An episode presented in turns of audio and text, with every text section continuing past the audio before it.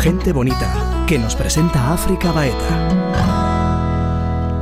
Decía T.S. Eliot, no dejaremos de explorar y al final llegaremos al lugar desde el que salimos y lo conoceremos por primera vez.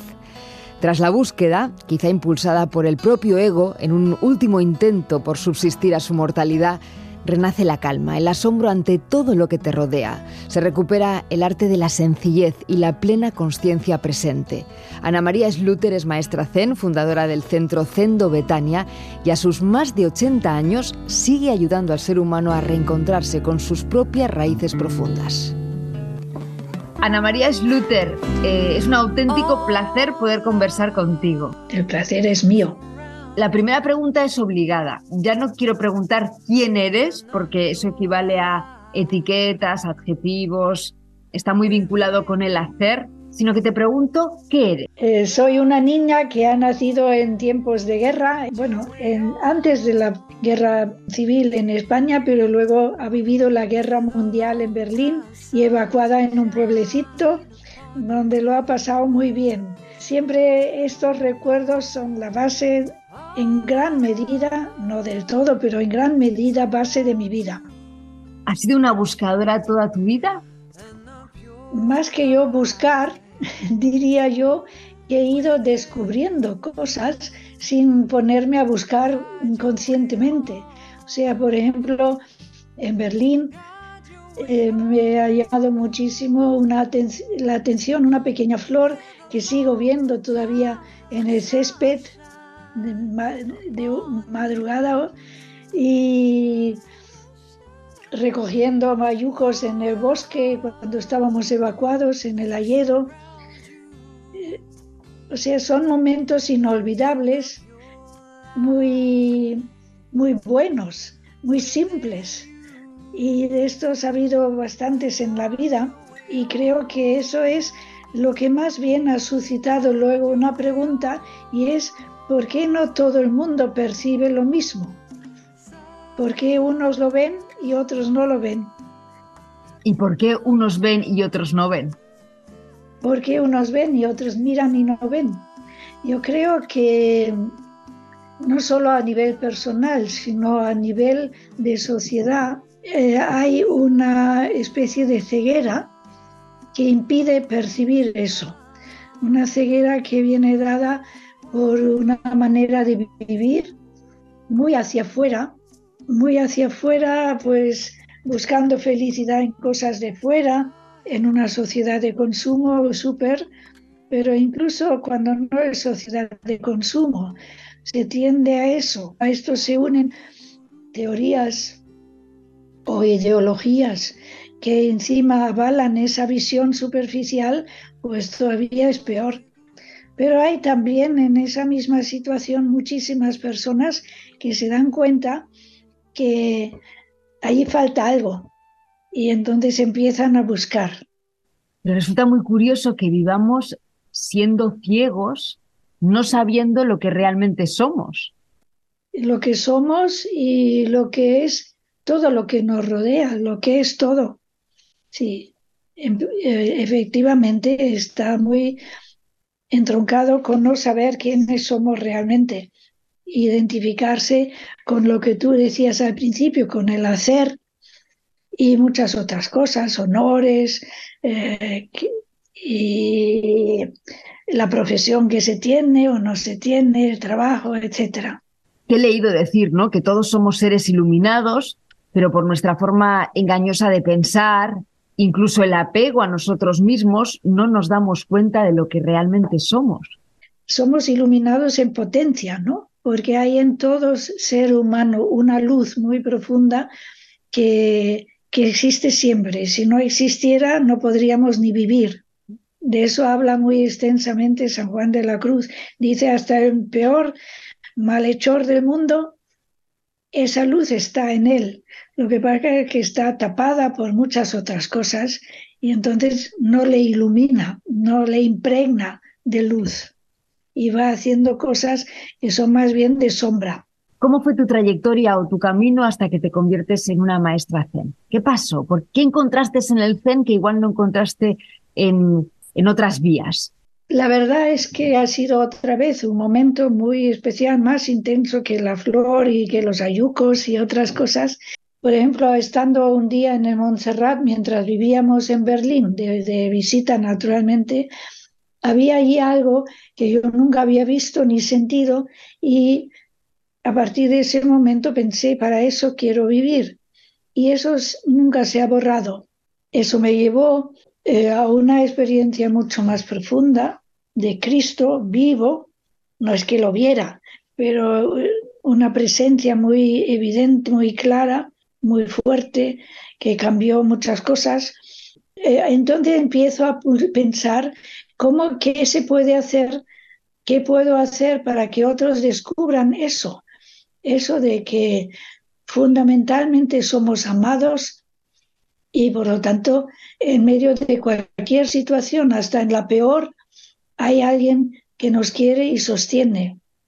La pregunta entonces era cómo puedo hacer, qué se puede hacer para que ayudar a otros a que lo descubran.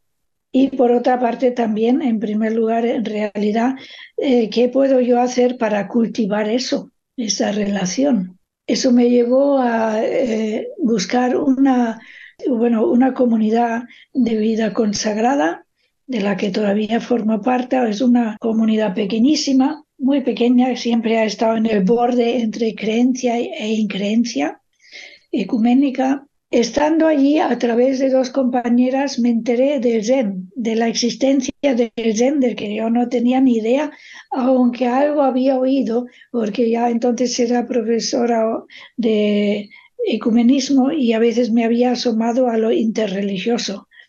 Y a través de ellas conecté con el padre Lasal, Enomía Lasal, que es, era jesuita y, y maestro Zen, y así es como di con ello y seguí. ¿Podrías contarme qué es lo que pasó en ese momento en el que decidiste, ¿no? Entrar en esa comunidad, en ese momento en el que te diste cuenta de que todos somos amados, ¿no? ¿Qué, experiencia tuviste? ¿Podrías describirla? Sé que es muy difícil ponerlo en palabras, pero ¿qué es lo que, no sé si llamarle despertar, ¿no? O sea, ¿qué es lo que sucedió en ese momento que tú dijeras, ostras, eh, me encantaría ayudar a otras personas a que despierten ante esta realidad? Pues mira, no te sé decir con palabras lo que pasó, imposible, imposible. Yo simplemente había entrado en la capilla de la Universidad de Friburgo, en Alemania. Estaba sentada eh, al final de las clases de la mañana, me había arrodillado en el último banco y estaba mirando hacia adelante, hacia el sagrario, y de pronto repasó algo que yo no puedo explicar. Si pongo como, como, diría como una luz, pero no era una luz. Eh, no se veía nada especial, absolutamente nada. Era muy simple, pero llevaba todo eso dentro de sí, ese momento. Pero es no, se puede, no lo puedo explicar, vaya. Pero es algo que se, que se instaló en tu, en tu cuerpo, ¿no? O sea, como un nivel de conciencia como más ampliado y de repente te diste cuenta de que estamos sostenidos, ¿no? De que, de que dentro de, de ese yo pequeñito que creemos ser, hay una totalidad, o sea, que formamos parte de un todo. Es mucho más simple que todo eso, como beber agua. Y el agua notas que te refresca, que te alivia la sed y te hace bien en verano sobre todo, pero ¿qué, ¿qué, vas a explicar sobre eso? Pues eh, eh, tú percibes lo que es y ya está. Y cuando le empiezas a poner palabras, todas se quedan un poco raras, rimbombantes y grandes. Lo más que he podido decir es como fue como una luz, pero no era una luz.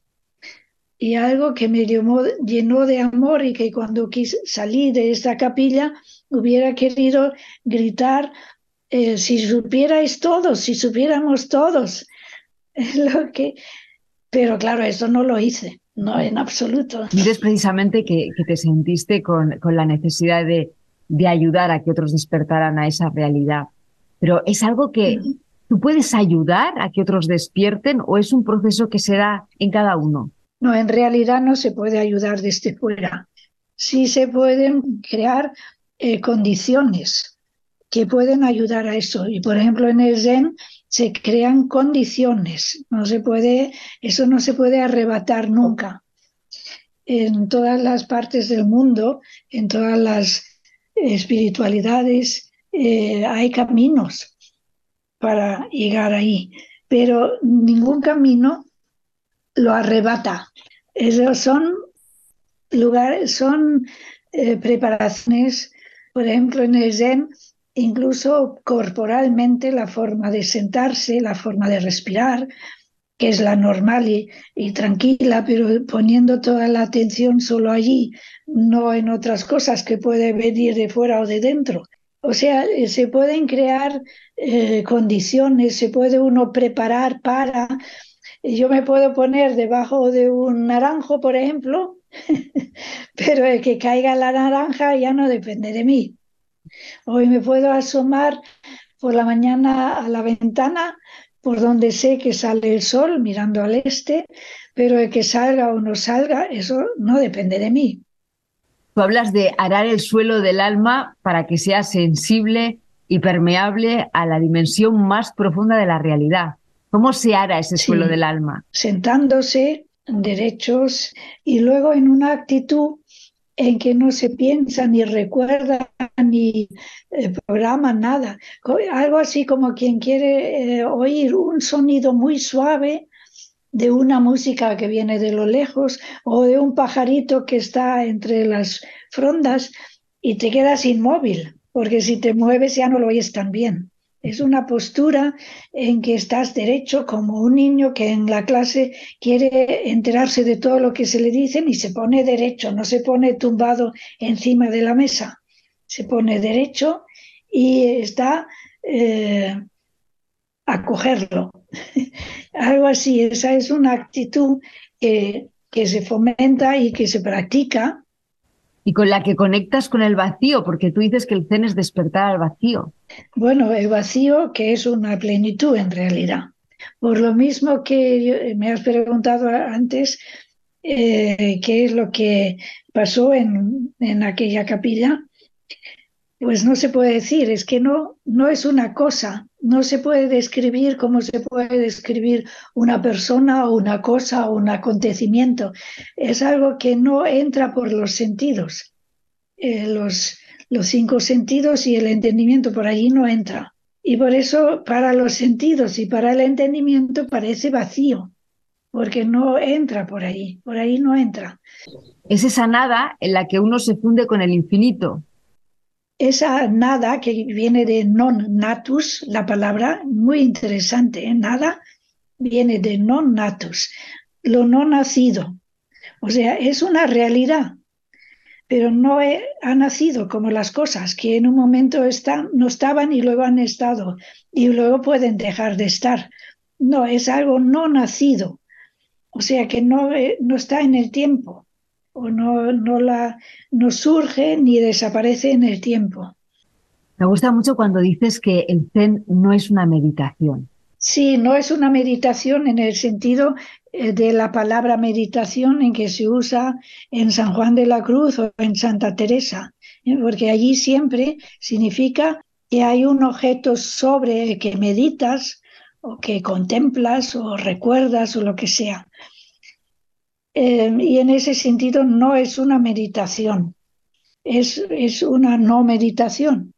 Es en realidad lo que significa la palabra en chino, japonés, por la forma como se escribe el ideograma, es a solas con el misterio, a solas, es decir, sin ideas. No es que las ideas sean malas, pero en ese momento no.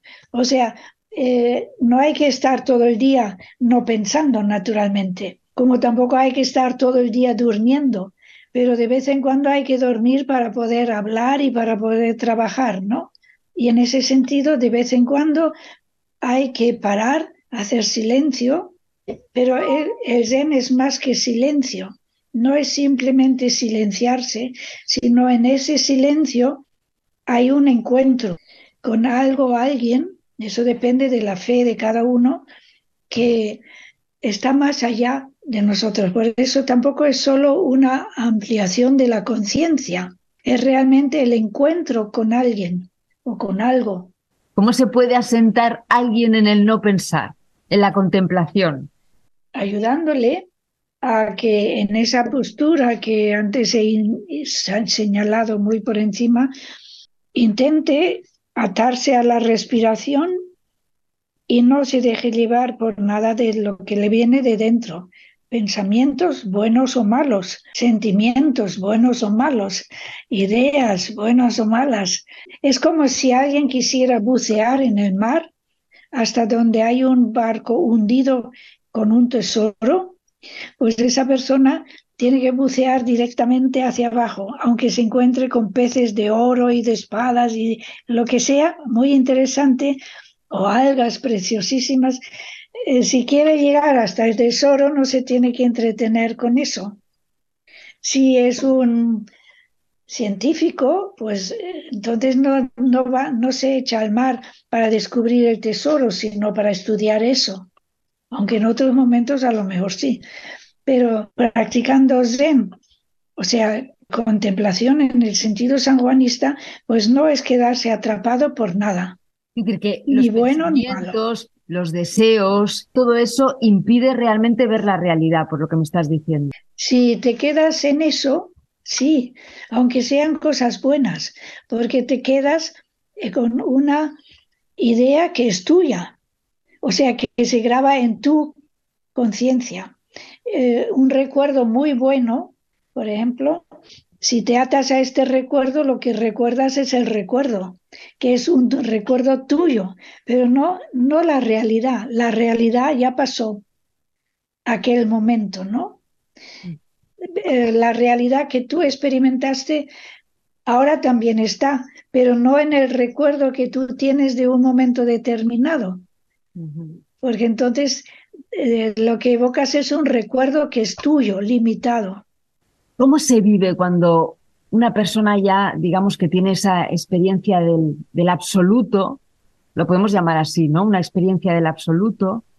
¿Cómo cultivas esa experiencia hasta que madure, ¿no? En tu día a día. Pues sentándose en silencio, día a día, en esa postura y con esa actitud interior que hace un momento he descrito muy someramente, por una parte, pero desde luego si mientras tanto no vivo según lo que de una forma natural saldría de aquí, de ese fondo, si no hubiera impedimentos, si no vivo según eso, estoy echando encima barro y que no me deja ver. Por ejemplo, si una persona se dedica a mentir o a robar o a lo que sea, eso no responde a lo que realmente somos en el fondo. O sea, cultivar lo que está en consonancia con esa realidad profunda dentro del propio corazón. ¿Podrías definirme lo que realmente somos? De eso sobre eso han pensado todos los filósofos del mundo y otros también. Pascal decía que somos como una hierba, pero pensante. O sea, somos evidentemente algo que nace, que se desarrolla, que crece y que al final muere externamente, pero a la vez somos algo que no ha nacido, que no crece, que no muere. O sea, somos espíritu encarnado. Esa es otra forma de decir, pero que también se queda corta. Dices que la vida es un camino de regreso a casa. Eh, como aquella palabra del, de, un, de, un, hombre que tenía dos hijos y el uno eh, se perdió yendo detrás de mujeres y de bienes y cosas, y ahí no estaba bien. Y entonces emprende el camino de volver a casa con su padre, ¿no? Eso sería, eh, es la sensación que tiene mucha gente.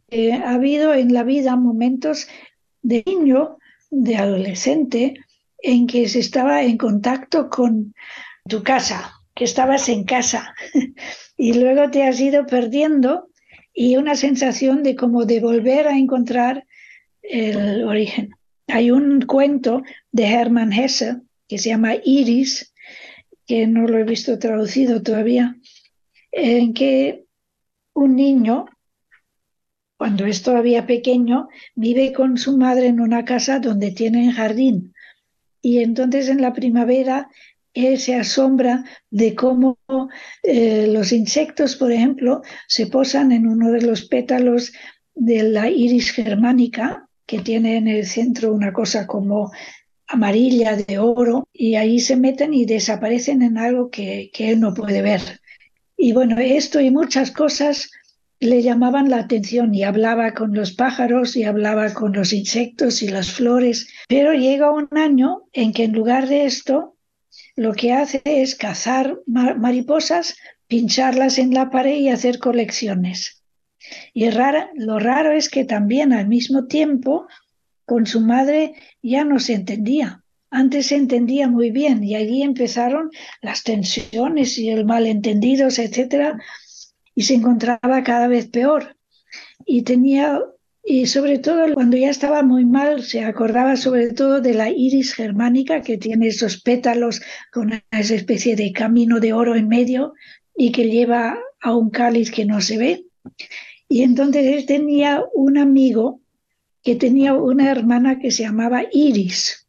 Y él pensó, la única forma de salir de esa situación en que estoy, solo, muy solo, es Iris le voy a pedir que se case conmigo, como era una chica normal, buena, y él era un, ya un catedrático de universidad importantísimo, pensó que tenía la batalla ganada de antemano.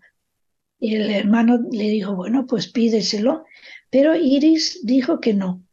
Y cuando le vio a él tan abatido, le dijo, bueno, si tú puedes recordar qué es lo que te recuerda mi nombre, entonces nos podremos casar. Pero ahora no, porque tu música y la mía no concuerdan, no armonizan de ninguna manera. Y entonces él se pone a intentar recordar que le recuerda su nombre, Iris. Y va de un sitio a otro, se vuelve un poco raro, la gente dice que se vuelve raro, se deja crecer la barba, y los niños se acercan cada vez más a él, juega con los niños, con los perros, pero no puede, va a donde vivió de pequeño con su madre y no lo descubre. Y en eso pasan varios años y un día le llega el mensaje de parte del hermano de Iris que Iris se está muriendo.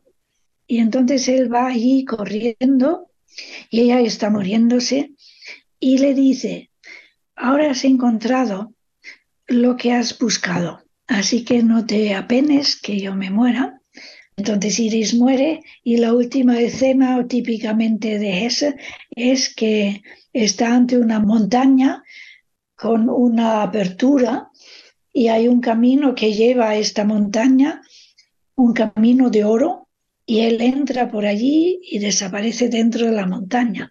O sea, vuelve a ese misterio que él había percibido en la flor y que le recordaba el nombre de Iris. Es como un viaje de, retorno a nuestro origen, a lo que somos. Sí. Y me gusta mucho la historia de, los, los diez cuadros de Boyero. Ah, sí, sí, sí. Eso es lo clásico de Zen. Y no solo de Zen. Sí. Bueno, pues allí en el primer cuadro se ve a esa persona eh, desorientada, ha perdido su buey.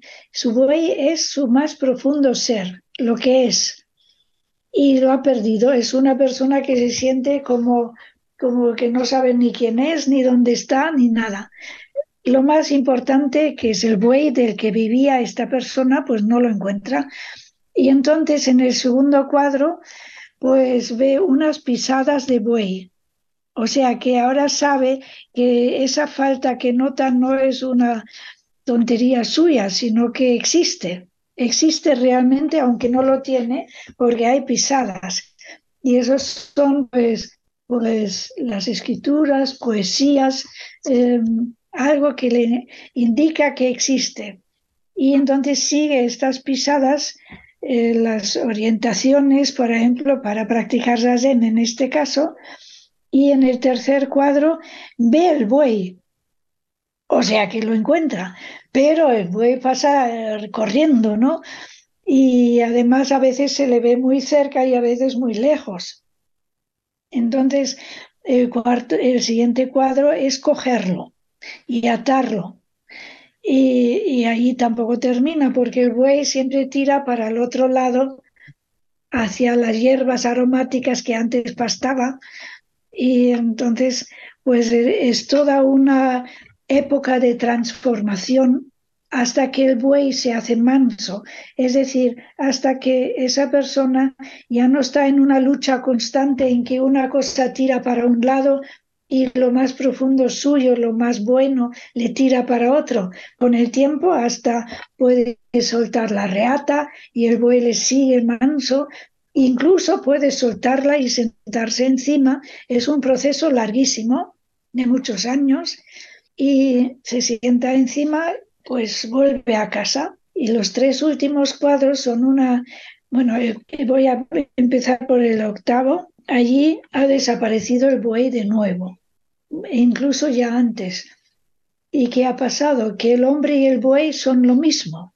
O sea que no hay un verdadero yo, lo que soy y yo como aparezco, sino que llego a ser lo que soy, se hacen uno y luego viene un cuadro en que el buey y el hombre han desaparecido. La experiencia de, ese misterio, que no se, no se puede nombrar de ninguna manera, pero no es cuestión de quedarse allí, sino de desde allí volver a ver las cosas, eh, los árboles, las mariposas, las flores, como antes, pero dentro de esa experiencia de misterio. Y el último cuadro es que a partir de allí acude al mercado, es decir, al lugar de la gente a ayudar. Me parece una, una metáfora preciosa, porque siempre hablamos del camino espiritual, pero yo me planteo también si realmente ese camino no existe. Es decir, que mientras estamos en la búsqueda, todavía hay un ego que busca una perfección, busca un objeto, busca poner límites, ¿no? Una experiencia y, incluso ese camino puede ser el camino trazado por el propio ego para buscar eh, subsistir. El engrosar el ego también puede ser, ¿no? Pero efectivamente ese tiene que haber un momento en que el hombre se olvida de sí mismo. Eh, mi maestro Zen lo repetía mucho olvidarse de sí mismo. Es lo más importante. Eh, sin olvidarse de este pequeño yo, ¿no? Que lo sabe todo, que lo programa todo, que quiere ser lo mejor, no sé qué, no sé cuántos. Olvidarse de eso y dejarse guiar por el misterio desde dentro, usando la cabeza, por supuesto, y la capacidad, la voluntad y todas las capacidades humanas pero como iluminadas, transidas del misterio. Hay un texto de un eh, Fernando Urbina se llamaba, que ha escrito sobre San Juan de la Cruz, la noche oscura y subida del Monte Carmelo. Es un librito precioso y termina con una frase que es, se trata de insertar nuestro esfuerzo en la acción divina que en el silencio empuja la historia. O sea, que no es nuestra mente desligada del misterio la que va a encontrar el camino en la historia, sino es esa, ese misterio que se vale, eh, donde se inserta nuestra inteligencia y nuestra voluntad la que va a encontrar el camino. Eso lo encuentro muy importante hoy en día, porque mira que hay gente que piensa y, con toda la buena voluntad de esos líderes hay, y yo creo hasta que no demos en eso, en insertar nuestro esfuerzo en la acción divina, que es ella la que guía la historia, vamos a dar palos de ciego. Convertirte en medio a través del cual fluye la vida. un gran hombre de tu tierra, eh, Arrupe, Pedro Arrupe, una oración que tenía era, haz que estorbe lo menos posible a tus planes. ¿Y el amor para ti qué es el amor? Desde luego no tiene nada que ver con lo que hoy en día se llama amor, generalmente. ¿eh? Nada, nada, nada, nada. Es lo contrario. Tiene muchísimo que ver con eso que no se puede decir, si es de verdad. Yo creo que cuando se dice lo que Dios ha unido, no lo separe el hombre, a eso se refiere. ¿eh? No se refiere a lo que se ha unido en una ceremonia. Esto, además, pero sobre todo lo que se ha unido en un encuentro profundo. Eso no lo debe separar nadie, ni la misma persona ni ninguna otra. Es un encuentro en esa dimensión que no tiene nombre, pero es realísima. ¿Cómo vivir despiertos? Vivir despiertos es vivir conectados con lo que somos y, más allá de lo que somos, porque la cosa no termina en lo que nosotros somos, ¿eh? sino, como decía un gran filósofo, San Agustín, más interior que lo más íntimo mío. Y eso hoy en día, en que se habla mucho de silencio y recogimiento, y eso es muy importante naturalmente en nuestra sociedad, súper importante, pero no es suficiente. Es más interior que lo más íntimo mío. O dicho con una imagen zen del sexto patriarca que nos compara, recuerda eso enseguida a Santa Teresa, con una ciudad que tiene cinco puertas hacia afuera y una interior que es la capacidad de formar ideas y imágenes, etc. Y se trata de entrar en la ciudad, naturalmente, de entrar en sí, no estar viviendo fuera de sí. Pero cuando estás en la ciudad, el suelo, dice, es el corazón y allí vive el rey. Y lo interesante es encontrarse en el más interior tuyo, perdón, con el rey. En Santa Teresa también nos compara no con una ciudad, sino con un castillo todo de diamante o muy claro cristal en que vive un rey. Es una imagen parecidísima.